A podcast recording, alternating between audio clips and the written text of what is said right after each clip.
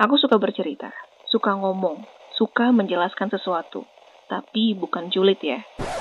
Sering tuh di depan cermin, aku ngomong ke seseorang yang ada di cermin itu. Which is itu adalah diri aku sendiri. bukan bagaimana caranya merubah, tapi bagaimana caranya menjadikan yang dianggapnya tidak bagus justru jadi sebuah keunikan yang akhirnya jadi nilai lebih. Suka bercerita, tapi bukan berarti jadi terlalu banyak bicara. Assalamualaikum, hai, selamat datang di podcast Catatan Pinggir.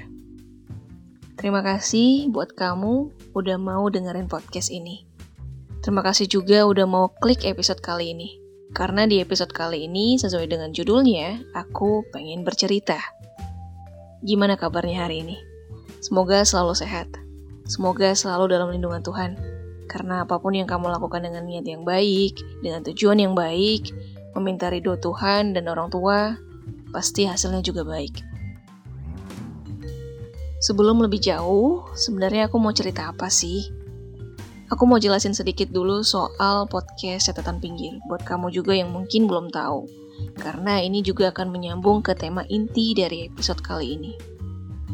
Jadi, podcast catatan pinggir ini udah ada dari tahun 2019. Dan dari awal podcast ini aku create, adalah dengan tujuan menjadi wadah aku untuk bercuap-cuap, bercerita, menuangkan ide-ide atau pemikiran-pemikiran pribadi soal sesuatu hal.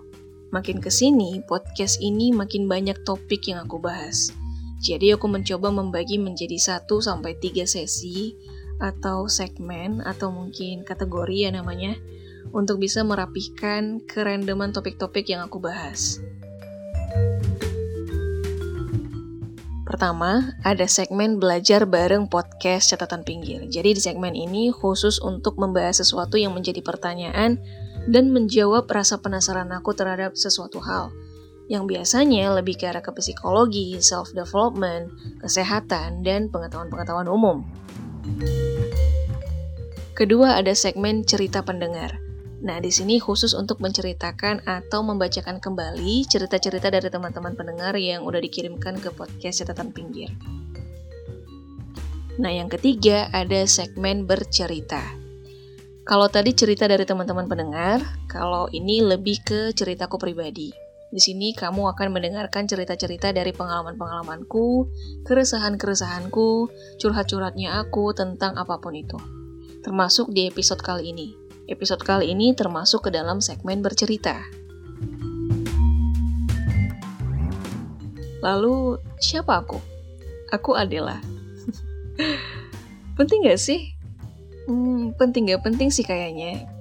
Menjadi penting karena sekarang kamu lagi dengerin suaraku. Menjadi gak penting karena ya aku juga bukan siapa-siapa. Bukan bermaksud untuk minder atau merendahkan diri, tapi ya bener aku bukan siapa-siapa. Karena memang pada dasarnya gak tahu, gak kenal, dan bukan orang yang terkenal juga. Tapi kalau keluarga atau sahabat-sahabatku, kalau aku bilang aku bukan siapa-siapa, mungkin mereka akan menyangkal karena aku adalah bagian dari mereka.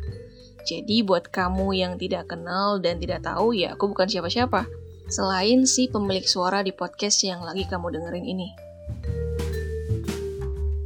Oke, balik ke tema episode kali ini. Sesuai dengan judul, Aku suka bercerita dan menyambung juga ke perkenalan singkat barusan. Aku suka bercerita, suka ngomong, suka menjelaskan sesuatu. Tapi perlu diperjelas. Suka bercerita, suka ngomong, suka menjelaskan sesuatu, tapi bukan julid ya. Bukan soal keburukan orang lain, bukan soal iri atau gengsi. Kalau itu mungkin aku bisa jadi pendengar yang baik. Jadi kalau ada orang yang bilang, oh kamu ekstrovert ya berarti. Hmm, gak juga, karena dibalik aku yang suka bercuap-cuap ini, di banyak momen juga aku lebih suka menghabiskan waktu sendiri. Minggir dari keramaian. Sangat menikmati momen di mana aku bisa me time, dan sangat suka waktu kosong sendiri di kamar. Karena di situ aku bisa banyak mikir, banyak merasakan, banyak menemukan ide-ide, lebih tenang, lebih nyaman, dan sering banget aku jadi orang yang sangat sibuk ketika me time. Karena ada aja yang pengen aku buat, pengen aku tuliskan, dan lain-lain. Tapi ada saatnya momen di mana aku keluar, dalam tanda kutip, dan gak bisa berhenti ngomong. Coba aja sentil dengan satu pertanyaan atau satu topik. Aku bisa ajak kamu ngobrol sampai capek.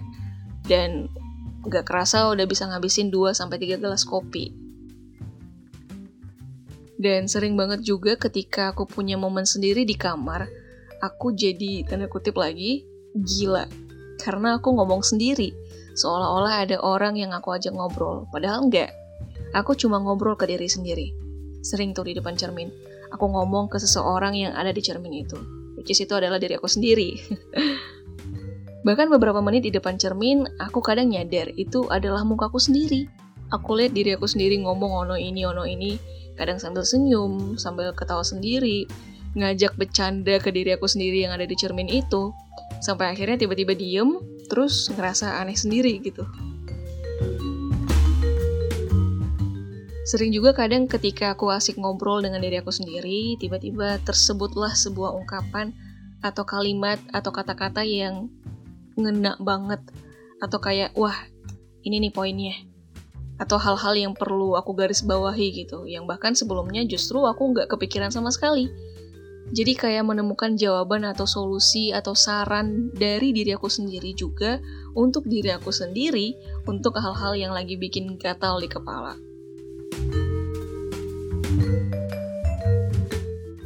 Jadi kalau ditanya sebenarnya aku tuh introvert apa extrovert sih? Mungkin lebih ke introvert sih bukannya nggak suka atau nggak mau disebut extrovert, tapi aku pribadi lebih merasa aku tuh introvert. Sejauh yang aku tahu, introvert itu kan hmm, ibaratnya ngecas nih, atau menemukan atau mengumpulkan energi. Kita tuh bisa lebih banyak mendapatkannya dari internalnya kita.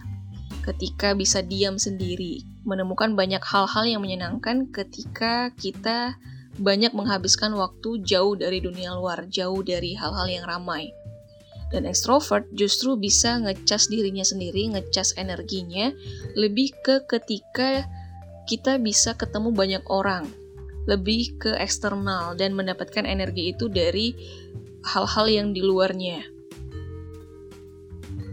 Nah, soal ekstrovert introvert kayaknya perlu satu episode sendiri nih buat aku cari tahu lebih dan ajak kamu untuk bahas bareng di segmen belajar bareng. Aku juga jadi keinget cerita dari mamaku yang bilang kalau aku tuh dari kecil anak yang paling banyak ngomong. Selalu punya cerita sehabis pulang dari sekolah, sehabis pulang dari tempat les, atau habis main dari luar sama teman-teman. Tapi cuma ke mama aja, atau ke si kakak yang dulu jagain aku waktu kecil, atau ke papa atau ke om ceritanya. Jadi lebih ke inner circle atau orang-orang terdekatnya aku aja. Ketika ketemu orang baru, tetangga atau siapa gitu, Justru aku lebih banyak diem, gak banyak ngomong. Aku juga inget dulu waktu kecil ketika masa-masa SD ke SMP kali ya. Aku suka menirukan apa-apa yang disebut di acara-acara TV yang lagi aku tonton. Mau itu acaranya kuis, sinetron, bahkan kartun atau iklan. Dan aku selalu ceritakan balik ke orang-orang.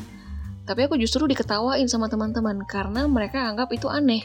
Karena aku pakai bahasa yang menurut mereka itu gak biasa, sok dewasa, pakai bahasa yang bukan bahasa daerah di kampung.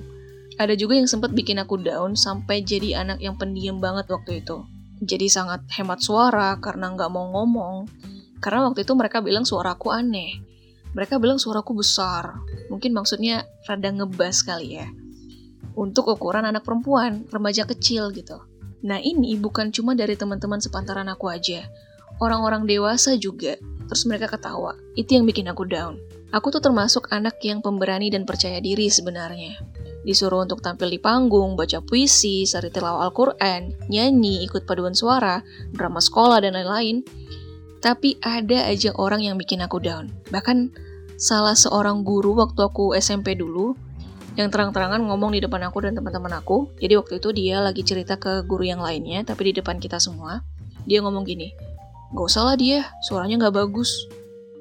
Waktu itu lagi ada pemilihan acara apa gitu, dan uh, teman-teman dan seorang guru itu merekomendasikan aku. Tapi si guru ini, yang satunya lagi ngomong, gak usah lah, suaranya gak bagus.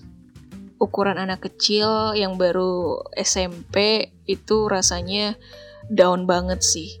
guru lagi yang ngomong. Atau ada juga yang bilang aku ngomongnya jelek, gak jelas, bla bla bla.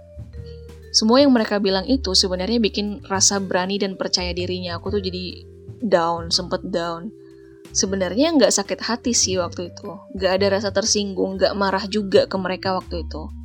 Justru yang mereka bilang itu jadi bahan pikirannya aku. Aku mikirin terus apa yang mereka bilang ke aku. Namanya anak kecil ya, aku jadinya malu, minder, ketika ada yang bilang gak bagus ya udah aku langsung bungkam aku langsung menarik diri tapi makin ke sini makin dewasa makin tambah umur makin panjang perjalanan dan banyak pengalaman-pengalaman justru aku pikirin balik tuh omongan-omongan mereka dan gimana caranya aku bisa membuat mereka berubah pikiran gimana caranya menjadi yang tadinya jelek jadi bagus dan makin ke sini, pelan-pelan mulai banyak yang mendewasakan lagi.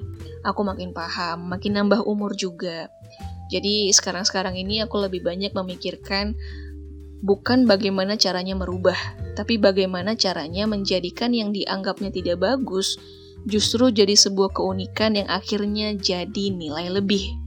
Dewasa ini banyak orang dari lingkungan aku yang bilang kalau aku itu adalah orang yang tidak banyak bicara. Diem.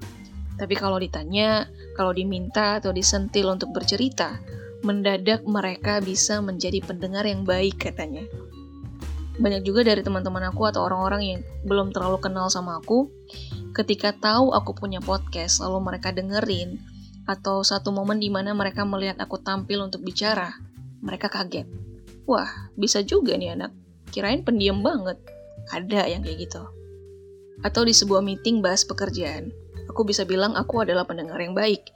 Tapi ketika ada momen aku bisa berkomentar atau diminta untuk bersuara aku siap Bukan berarti aku harus diminta dulu ya, atau nunggu orang lain dulu. Tapi aku lebih bagaimana aku bisa menjaga porsi bicara aku. Menjaga dan memahami waktu kapan perlu bicara dan kapan enggak.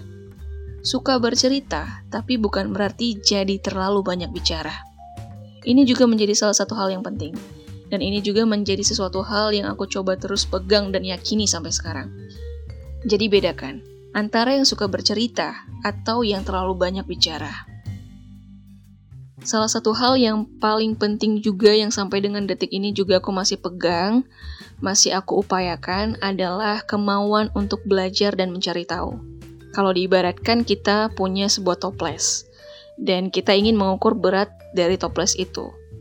Tapi kita cuma mengisi toples itu dengan satu potong coklat. Pasti timbangannya ringan, karena juga dianggap kosong karena cuma satu potong doang. Tapi kalau kita berusaha mencari tahu di mana kita bisa mendapatkan banyak coklat, kita belajar membuat coklatnya sendiri. Kita jadi punya banyak coklat, coklat stroberi, coklat susu, dan lain-lain. Lalu coklat-coklat itu kita masukkan ke toples. Ditimbang, pasti hasilnya berat, dan coklatnya jadi banyak. Ketika ada orang yang minta satu misalkan, ada coklat susu nggak? Ada. Ada coklat stroberi nggak? Ada kita selalu punya jawaban. Kalaupun kita tidak punya apa yang mereka minta, nggak punya nih coklat yang mereka bilang, tapi kita bisa bilang, oh iya, aku bisa mencari tahu. Karena kita punya rasa curiosity, rasa pengen tahu, rasa penasaran, dan selalu pengen belajar. Apa yang aku ceritakan, atau apa yang aku sampaikan, ini juga bisa jadi pisau bermata dua buat aku. Jadi aku perlu hati-hati dan selalu mencari tahu dan terus belajar ada banyak cara untuk belajar di mana-mana sekarang. Karena aku juga pengen orang yang lagi mendengarkan aku, orang yang lagi aku ajak bicara, ngobrol atau diskusi, mereka merasa waktu mereka itu nggak terbuang percuma. Mau mereka nyaman, happy, dan aku selalu belajar untuk itu, aku mencari tahu. Karena semua hal dan hasil dari apa yang aku pelajari itu bukan cuma jadi bahan bicara atau isi cerita aja. Gak cuma sebatas itu tapi ada banyak hal penting yang bisa menjadi sebuah pencapaian untuk aku pribadi. Terima kasih sudah mendengarkan sampai akhir. Buat teman-teman yang mau berbagi cerita, mau ceritanya aku bacakan di podcast catatan pinggir, atau mungkin mau bercerita langsung ke podcast catatan pinggir, atau mungkin teman-teman mau kasih supportnya, kasih komentarnya, kasih sarannya, kasih kritikannya, silakan hubungi aku di Instagramnya podcast catatan pinggir di catatan pinggir podcast atau langsung ke Instagramnya aku sebagai narator di @adelayunes. DM aja aku di situ, uh, ajak aku diskusi, kasih komentar, kasih sarannya, kasih kritikannya, karena aku sangat butuh support-support seperti itu dari teman-teman pendengar, supaya podcast catatan pinggir bisa lebih baik lagi ke depannya. Atau mungkin dari teman-teman ada yang mau cerita, mau curhat panjang lebar ke aku, silakan banget. Bisa di email aja di di pod catatan pinggir at gmail.com pod catatan pinggir at gmail.com email aja aku di situ mungkin ada yang mau curhat maybe. Silahkan banget. Jadi sekali lagi terima kasih dan teruslah berbagi hal-hal baik